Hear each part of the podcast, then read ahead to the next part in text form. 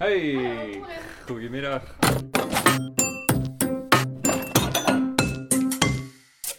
Ik heb altijd de kernovertuiging gehad dat er iets was met mijn lijf.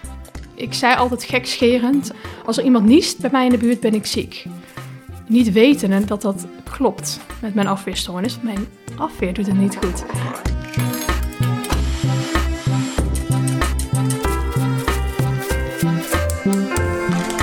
Dus dat was best eenzaam. Dit is Nathalie. Ze werkt bij een GGZ-instelling en ze is 32. En van die 32 jaar is ze er 28 ziek geweest. Ze heeft een primaire immuundeficiëntie. Haar lijf maakt te weinig afweerstoffen aan. En dan word je dus ziek. Want dan kan je lijf zich, als er een bacterie of een virusje langskomt, nauwelijks verweren. Soms is het iets in je buik, soms een verkoudheid, soms een longontsteking. Of in Nathalie's geval vaak een longontsteking, op het dieptepunt zeven longontstekingen per jaar. Dat ze zo'n afweerstoornis heeft, dat wist ze al die 28 jaar niet. Nu wel. Nu heeft ze elke week een infuus met afweerstoffen en nu vertelt ze over hoe het was om zo te leven. En om, terwijl je zo ziek bent, vrienden te maken en te houden. En haar vriend tegen het lijf te lopen. Kortom, 28 jaar lang doorzetten.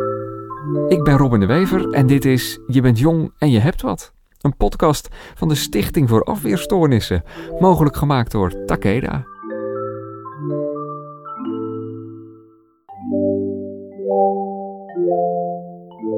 Wat ik me kan herinneren, en met name wat mijn ouders mij verteld hebben, is dat ik altijd hele erge eczeem heb gehad. En ik echt met handschoentjes heb geslapen s'nachts. En op latere leeftijd, ik denk dat ik een jaar of 11, 12 was, is die eczeem weggegaan en is dat omgeslagen naar astma. En ook best wel heftige astma. En eigenlijk vanaf die leeftijd zijn al, die, zijn al mijn luchtweginfecties begonnen. Dus vanaf toen tot nou, de diagnose heb ik ongeveer zeven luchtweginfecties per jaar gehad. Soms ook, soms ook longontstekingen. Nou ja, en per luchtweginfectie had je dan vaak toch wel één of twee weken prednison en antibiotica. Dus, dus met name vanaf mijn elfde jaar dat ik vaak ziek werd. Was het op de basisschool dat voor het eerst iemand zei van... hé, hey, het, het is niet normaal hoe vaak je ziek bent? Het begon, uh, toen begon ik vaak ziek te worden. Toen heb ik ook mijn eerste longontsteking gehad toen ik 12 was. En eigenlijk op de middelbare school ging het steeds vaker opvallen. Want dan fietste ik naar school. Ik moest uh, ongeveer 10 kilometer fietsen heen en terug. En op een gegeven moment kom je ook in de leeftijd dat je uitgaat. Uh, hè, dat je veel meer dingen ook buiten school doet en dan nog sport. En toen viel het op dat ik vaak niet mee kon komen met wat mijn vriendinnen wel konden. Of dat ik meekwam en daarna in bed lag omdat ik een luchtweginfectie had. Dus je kon wel een hoop, maar het ging ook altijd wat moeizaam. Ik probeerde wel altijd na te denken over van hoe kan dit nu? Hè? Dus stel dat we uit waren gegaan, toen ik nog jong was, mocht je roken in de kroeg. Op een gegeven moment had ik die link wel gelegd. Ik kan daar denk ik niet tegen. Uh, maar goed, ja, dan is de keuze dus op die leeftijd aan jezelf of ik ga nooit meer uit. Of, wat ik dan soms deed, dan ging ik gewoon donderdag tot en met zaterdag. Want die luchtweginfectie had ik toch. Uh, dus dan dacht ik, dan kan ik maar beter drie dagen gaan en nu genieten. Want of ik nou één of drie dagen ga, maandag heb ik toch die luchtweginfectie. En wat deed dat met je, weet je dat? Ja, ik heb me altijd, zeker in die tijd, omdat er geen diagnose was, voelde ik me altijd anders. Ik moest andere keuzes maken en dat, dat kon best eenzaam zijn. Omdat je eigenlijk de enige bent als iedereen rechtsaf gaat, dat jij soms linksaf gaat. Of je loopt mee naar rechts en dan ben je een paar dagen later met prednison in bed. Dus dat was best eenzaam.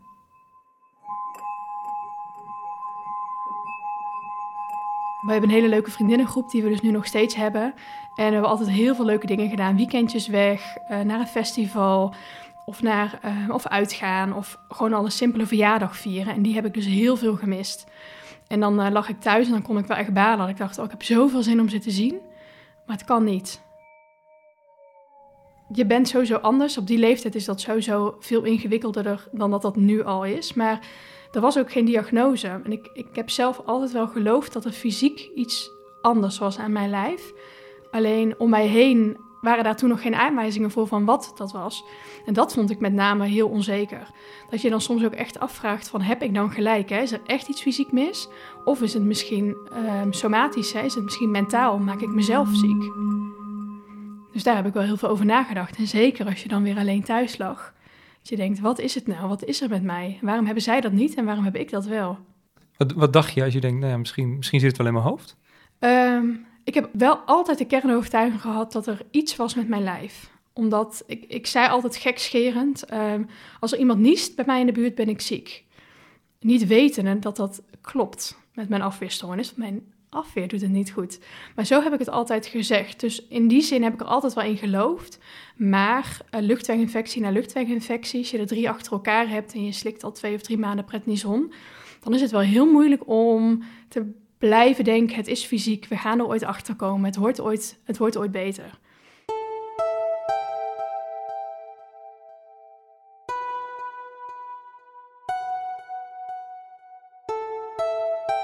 Ze zeggen dat gemiddeld een huisarts één iemand met een afweerstoornis in zijn leven als patiënt heeft. Dus laat even zijn dat ik dat was voor deze huisarts. Heeft deze huisarts dat dus nog nooit gezien of meegemaakt? En wat het onhandige is aan afweerstoornis, is dat je dus niet altijd kan meten of iemand ziek is.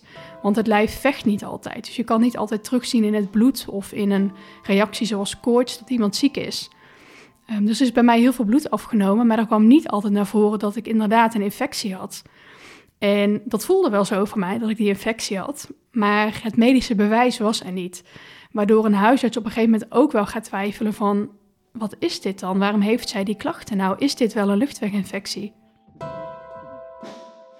Ja, het dieptepunt was wel, denk ik, toen uh, ik zat op de universiteit en ik miste best wel veel colleges. En elke keer op mijn manier heb ik het opgelost. Dus in periodes dat ik niet ziek was, heb ik dingen ingehaald. Wat natuurlijk een race tegen de klokken is, want binnen een maand was ik weer ziek. En op een gegeven moment was er wel een punt dat ik dacht van, dit is nog studie. En hier kan ik nog afspraken maken. Maar er komt een punt in mijn leven dat ik een baan heb. Of hè, dat hoopte ik toen nog dat me dat ging lukken. En dat ik niet meer zo flexibel kan zijn. En uh, toen ben ik naar de huisarts gegaan. Heb ik wel aangegeven van, dit gaat echt niet goed. En zij was op een gegeven moment ook op een punt waarop ze dacht: ja, ik kan gewoon echt niet vinden wat er fysiek met jou in de hand is. En toen is dus de, nou ja, de keuze gemaakt om um, een, eigenlijk een psychische behandeling in te zetten. Dus gericht op psychosomatiek en in mijn geval dus op onverklaarde lichamelijke klachten. En dat was wel mijn dieptepunt, want ik heb altijd geloofd dat het fysiek was en niet mentaal. En ik ben wel overstag gegaan om toch een behandeling in te zetten op het mentale gedeelte. Dus je bent toch de patiënt geworden bij wie het waarschijnlijk tussen de oren zat? Ja, als je er naar kijkt wel, maar zo, het voelde niet voor mij. Ik heb altijd wel nog aan vastgeklampt, er is iets fysieks, maar op dat punt was er geen andere Nee, maar je hebt je toch in wel in dat traject, je toch in dat traject beland. Ja, omdat er geen andere weg was op dat gebied, op, op medisch gebied. Um, en uiteindelijk heb ik die behandeling delen waren totaal niet op mij van toepassing. Dat merkte ik ook tijdens de behandeling. Want wat gingen ze doen? Ja, je, je, bijvoorbeeld accepteren dat je, hè, dat je lijf was zoals het was. Alleen dat kon ik niet, want ik wist dat er nog een oorzaak was en dat, we nog, dat er verbetering zou komen. Dus daar had ik niet zoveel aan. Maar waar ik heel veel aan had, was het uh, onder, opnieuw leren ontdekken van je grenzen. Want daar was ik eigenlijk al jaren overheen gegaan.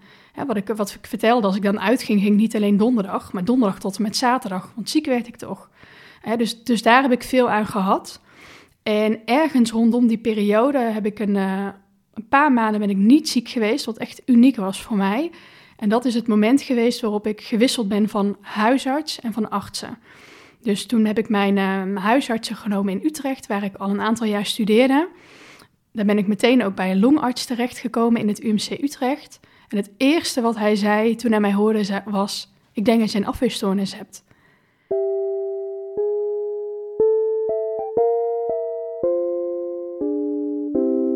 En ik vroeg natuurlijk van, wat is dat dan? En hij legde het mij uit en ik heb nu al kippenvel als ik aan denk.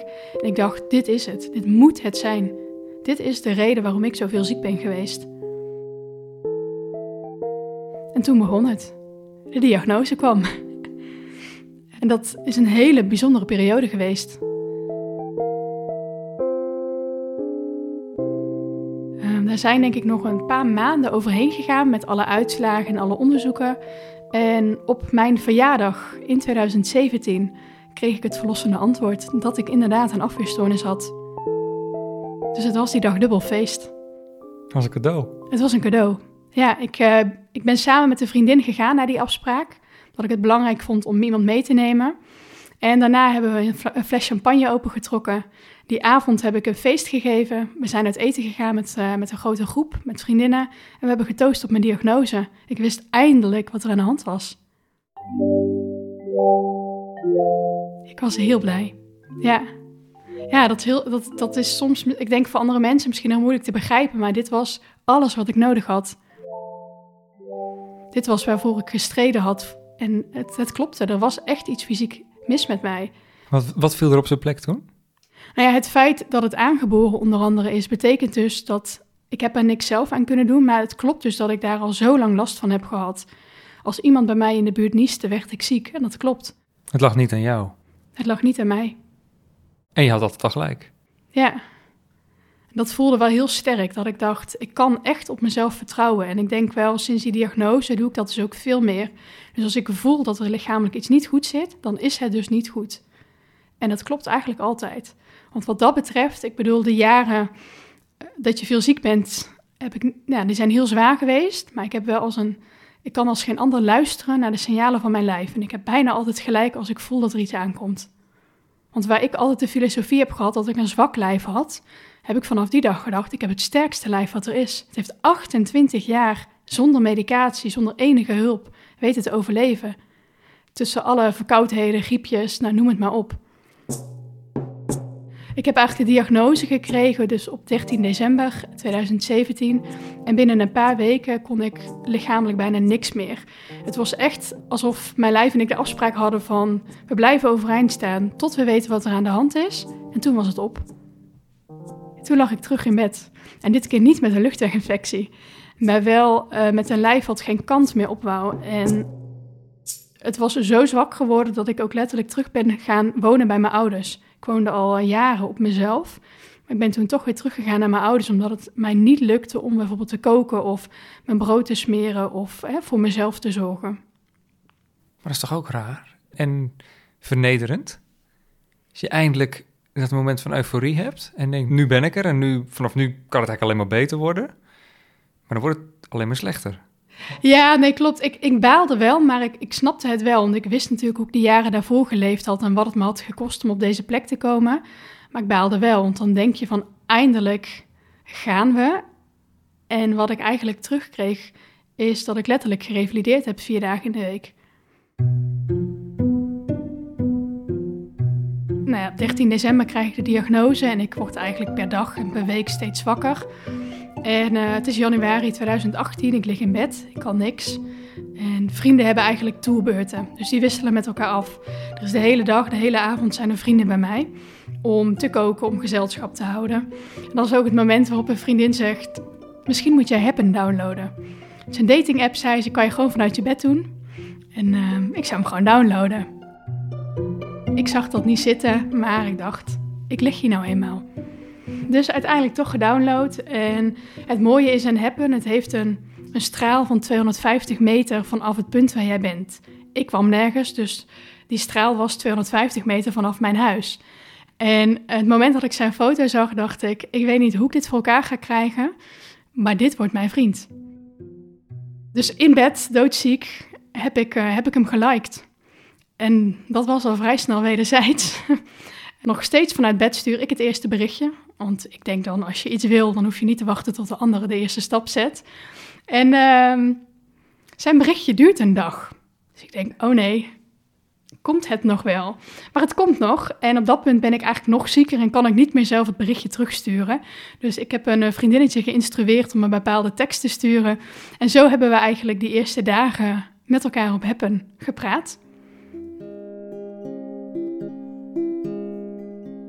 Nou, ik had dus um, een, date gepland staan met Paul, onze eerste date. En dat was eigenlijk in een café tegenover mijn huis. Dat was heel bewust, want ik kon al niet meer verder lopen. Dus ik, uh, ik ben naar hem toegelopen. We hebben even nou, wat gekletst. En daarna heb ik al best wel snel gezegd van... Um, de reden dat de eerste keer onze date niet doorging... is niet omdat ik griep had, maar ik lag in het ziekenhuis. En dat komt omdat ik een afweerstoornis heb... en het op het moment niet zo heel goed met mij gaat. En al heel snel zei hij van, nou ja, dat, ja, dat is wat het is. Jij bent niet je afweerstoornis. Je hebt een afweerstoornis. Ik dacht, nou, dit is een goede, deze moeten we houden. We hebben uiteindelijk in totaal maar twee dates kunnen hebben toen ik nog in Utrecht woonde op mezelf. En daarna ben ik dus teruggegaan naar mijn ouders, omdat het gewoon echt niet meer te doen was. Ehm, wat dus praktisch betekent dat de derde date bij mijn ouders was, terwijl ik op de bank lag. Ehm, dus nou goed, dan heb je elkaar twee keer gezien. En de derde keer zit je dan bij je wellicht toekomstige schoonouders op de bank met een meisje dat heel erg ziek is. En hoe was dat? Ja, voor mij was het het hoogtepunt van de week, de zondag. Want hij kwam altijd op zondag met zijn auto uit Utrecht gereden. Elke week nam hij iets lekkers mee van een bakker. En dat varieerde. De ene keer kon mijn moeder kiezen, dan mocht mijn vader zeggen wat hij het lekkerst vond. Ehm, het was een hele warme periode. Heel gek als je daar op terugdenkt. Dat je denkt, hè, na D3 ontmoet je de schoonouders al. En het was heel raar, maar voor dat moment was het fantastisch. Ik bedoel, aan de ene kant had ik mijn gevecht met mijn lijf en het gevecht met mijn specialist om de juiste medicatie, want ook dat was niet zo makkelijk. En aan de andere kant ben je super verliefd en komt er iemand speciaal uit Utrecht gereden en kan je daar gewoon de hele week naartoe leven. Dus je had op zondag de date, drie dagen nog na stuiteren van geluk. En dan kon je alweer voorbereiden op de volgende. Gekke vraag misschien, maar dan ga je met hem zoenen en dan denk je, hier kan ik gewoon hartstikke ziek van worden. Ja, in, in, de, in theorie en in de praktijk is dat inderdaad zo. Alleen ik heb daar nooit op die manier over nagedacht. Maar hij heeft je wel al vaak ziek gemaakt, denk ik. Ja, dat weet ik eigenlijk niet zo goed. Het enige die ik echt weet is uh, vier weken geleden corona, want die heb ik van hem gekregen. uh, maar verder ben ik eigenlijk sinds ik mijn diagnose heb en de juiste behandeling bijna niet meer ziek geweest. Ik had uh, vorige week een vriendinnetje hier eten en die ken ik dus al vanaf de middelbare school, dus dat ik 12 jaar ben. En zij kent mij dus zowel met afweerstoornis als diagnose en zonder. En ik had het er met haar over van hoe dat nou voor haar is. Hè? Want zij kent, heeft mij het grootste gedeelte van onze vriendschap gekend zonder diagnose, maar wel met heel veel ziek zijn. En wat zij me eigenlijk vertelde is dat zij, toen ik geen diagnose had, ook heel vaak heeft gedacht van... hoe kan het nou dat zij altijd ziek is? En hè, waarom kan ze nou op vrijdag wel mee naar een feestje... maar op zaterdag niet mee uh, naar de bioscoop? En waarom maakt zij die keuzes? En um, nou, dat, dat dat wel iets is geweest waar zij vaak over na heeft gedacht. Dat heb ik overigens ook wel gevoeld. Niet per se van haar hoor, maar dat anderen dat soms heel moeilijk vinden. Van waarom kan je wel um, hiermee naartoe en morgen niet iets anders doen? En wat zij mij vertelde... Dat toch een soort, mensen toch een soort van schoolziek uh, vermoeden ze hebben. Ja, omdat het je toch wel zelf kiest. Ja, omdat het zo vaak is en zo gek. En dat je dan wel inderdaad, wat ik zei, dan ga je drie dagen achter elkaar bijvoorbeeld uit. Maar ja, dan kan je op maandag niet naar school. Daar vinden mensen natuurlijk iets van. En um, we hadden het daar... Moeilijk om medelijden te hebben met iemand die wel ja. drie avonden is uit geweest. Ja, precies. En dat, dat zei, zeiden ze dus ook. Van, en soms dacht ik daar wel over na. Van nou, wat, wat gek dat ze dan die keuze maakt. En ook gek van ze is alweer ziek. En hoe zit dat nou? En uiteindelijk komt die diagnose. Uh, dus ook bij mijn vriendinnen terecht. Hè, die horen natuurlijk ook van wat er aan de hand is. En ook voor hun was het dus echt van... hé, hey, nu snappen we waarom uh, ze zo vaak ziek was. En wat zij eigenlijk meegaf, ook als tip aan, aan anderen... en dat vond ik wel heel lief, is dat ze zei... ik heb echt geleerd, zei ze, door hè, jouw diagnose en hoe jij daarmee omgaat... dat anderen eigenlijk niet moeten oordelen over de keuzes die iemand maakt. Want het klopt, soms ziet dat er ook haar uit van de buitenwereld. Hè? Zeker vroeger ga je wel uit, ga je niet naar school... En dat ze weet dat als ik iets kan, dat ik het altijd zal doen. En als het echt niet lukt, dat ik er niet bij ben. En dan um, denkt niemand daar gek over, maar dan missen ze me. Dan denken ze jammer dat het haar niet lukt. Heb je dat gemerkt? Dat toch een soort van sceptisch bij mensen om je heen, bij je vriendinnen en zo? Ja, zeker wel. Zeker tijdens die uh, periode op de middelbare school, waarin je dan regelmatig uitgaat, feestjes hebt en dat je dan niet op school verschijnt, dat dat wel gek is. Um, dat merk je wel. Um, zeker op die leeftijd doet dat wel iets met je, met je zelfbeeld. Want je moet jezelf eigenlijk heel vaak uitleggen en verklaren van waarom, waarom lukt dit niet en het andere wel. En ik denk dat dat en wel... wist jij ook niet? Nee, dat, en dat wist Weet ik, ik niet. veel, ja. Ik denk dat ik dat wel heel moeilijk heb gevonden. En dat, en dat zijn nog steeds momenten. Ook al heb ik hele lieve vrienden bijvoorbeeld om me heen. Ik heb nog steeds veel momenten dat ik een andere keuze maak dan dat de meesten doen. Dus die eenzaamheid in zekere zin blijft dat. Maar het is wel anders dan dat het vroeger was. Je voelt je nog steeds niet helemaal begrepen. Um, ik voel me wel begrepen, want ze snappen wel waarom ik keuzes maak. Alleen ik moet nog steeds die keuzes maken. Dus ik moet nog steeds kiezen als wij een weekendje weggaan met onze vriendinnen, wat we elk jaar doen. Ehm, zij kunnen de hele dag wel lopen en leuke dingen doen. En ik ben dan degene die zegt: Ik ga niet meer uit vanavond, ik ga op de bank liggen. Of ik ga deze wandeling niet mee doen. Ik blijf hier wel even op het zon of in de zon op een terrasje zitten. En ze snappen altijd waarom. Sterker nog, soms vragen ze zelfs: Moet je zo niet even gaan zitten? Ehm, dus het is niet het onbegrip meer waar ik nu last van heb. En met name dat je toch anders blijft. Mijn energieniveau blijft anders. En ik moet dus toch soms andere keuzes maken. Voelt dat eenzaam? Ja, dat voelt heel eenzaam. Je kan dus het begrip, hè, dat wat mensen snappen waarom, kan ik best delen. Maar ik kan niet per se met mensen delen hoe het voelt om elke keer een andere keuze te maken. Dus dat is wel eenzaam. Zeker die eerste jaren na de diagnose heb ik wel echt momenten gehad en met name dat ik bijvoorbeeld heel veel vriendinnen heb die ook psycholoog zijn of dezelfde opleiding hebben gedaan. En die zie ik dan stappen zetten. Die zijn letterlijk in hetzelfde jaar afgestudeerd als dat ik ben.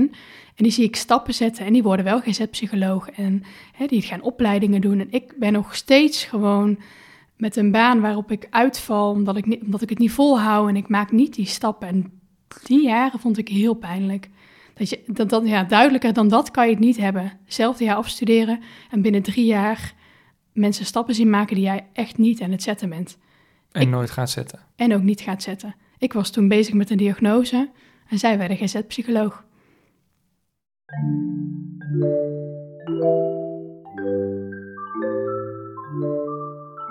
Wil je kinderen? Misschien een beetje een gekke vraag, maar...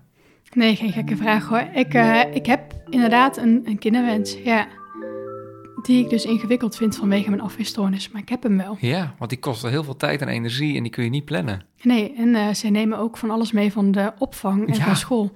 En ook dat is dus al wel een proces geweest. Want ik heb dus al wel laten onderzoeken of mijn afweerstoornis genetisch is. Want hè, als dat zo is, dan ga je namelijk een heel ander pad in. Dat, bij mij is het gen nog niet gevonden wat mijn afweerstoornis verklaart. Dus het is voor nu nog niet ja, genetisch. Of in ieder geval niet dat we weten. Maar goed, los van of het kind dat heeft. Het kind gaat natuurlijk vroeg wakker worden en naar school moeten. En de hele dag van allerlei troep uitkrauwen. Dat wordt wel lastig voor je. Zeker, ja. Daar heb ik het ook met uh, mijn vriend dus wel veel over gehad. Hè? Dat um, nou, als je een beetje verdeling kan maken in ons huishouden, dan zou hij zeg maar de spierkracht zijn en ben ik het, uh, mentale brein, zeg maar, wat de meeste dingen organiseert. Want er zijn inderdaad momenten waarop um, ik niet een kindje op de eerste plek kan zetten. Simpelweg omdat ik zelf op die eerste plek even moet komen, hè, vanwege mijn gezondheid soms. En wat ik zelf heel ingewikkeld vind aan mijn kinderwens is dat ik heb nu bijna vijf jaar de diagnose. En ik, ik heb het idee dat ik nu aan het leven ben. Ik mag al vijf jaar leven en zeker de laatste paar jaar ben ik zo in balans. En kan ik eindelijk dingen doen die ik echt leuk vind om te doen. En dat komt dus totaal niet overeen met een kinderwens. Want uh, dan moet je jezelf toch een beetje op de tweede plek zetten. Ja, en ook hoe gaat mijn lijf reageren? Gaat het goed herstellen na een zwangerschap? Als een kindje naar de opvang gaat of naar een basisschool, hoeveel virussen gaat het meenemen? Hoeveel ga ik er daarvan oppakken? Kan ik dan nog normaal werken? Ga ik weer zoveel ziek zijn? En dat zijn allemaal vragen waar ik al eindeloos over na heb gedacht, omdat uh, het laatste wat ik wil is mijn balans in gevaar brengen. Alleen mijn kinderwens is ook groot. Gaat het allemaal goed komen? Dat sowieso, ja, dat, het komt altijd goed. Er is altijd een plan, het komt altijd goed.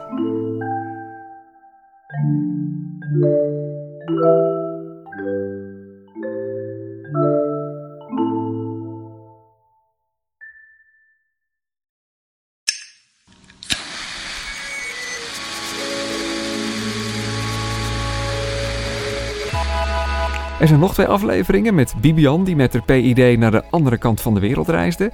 En met Thijs, die op de middelbare school flink ziek werd, maar die zijn hoofd koel houdt. Ik zou zeggen, ga luisteren. Heb je vragen? Wil je meer weten? Stichting voor afweerstoornissen.nl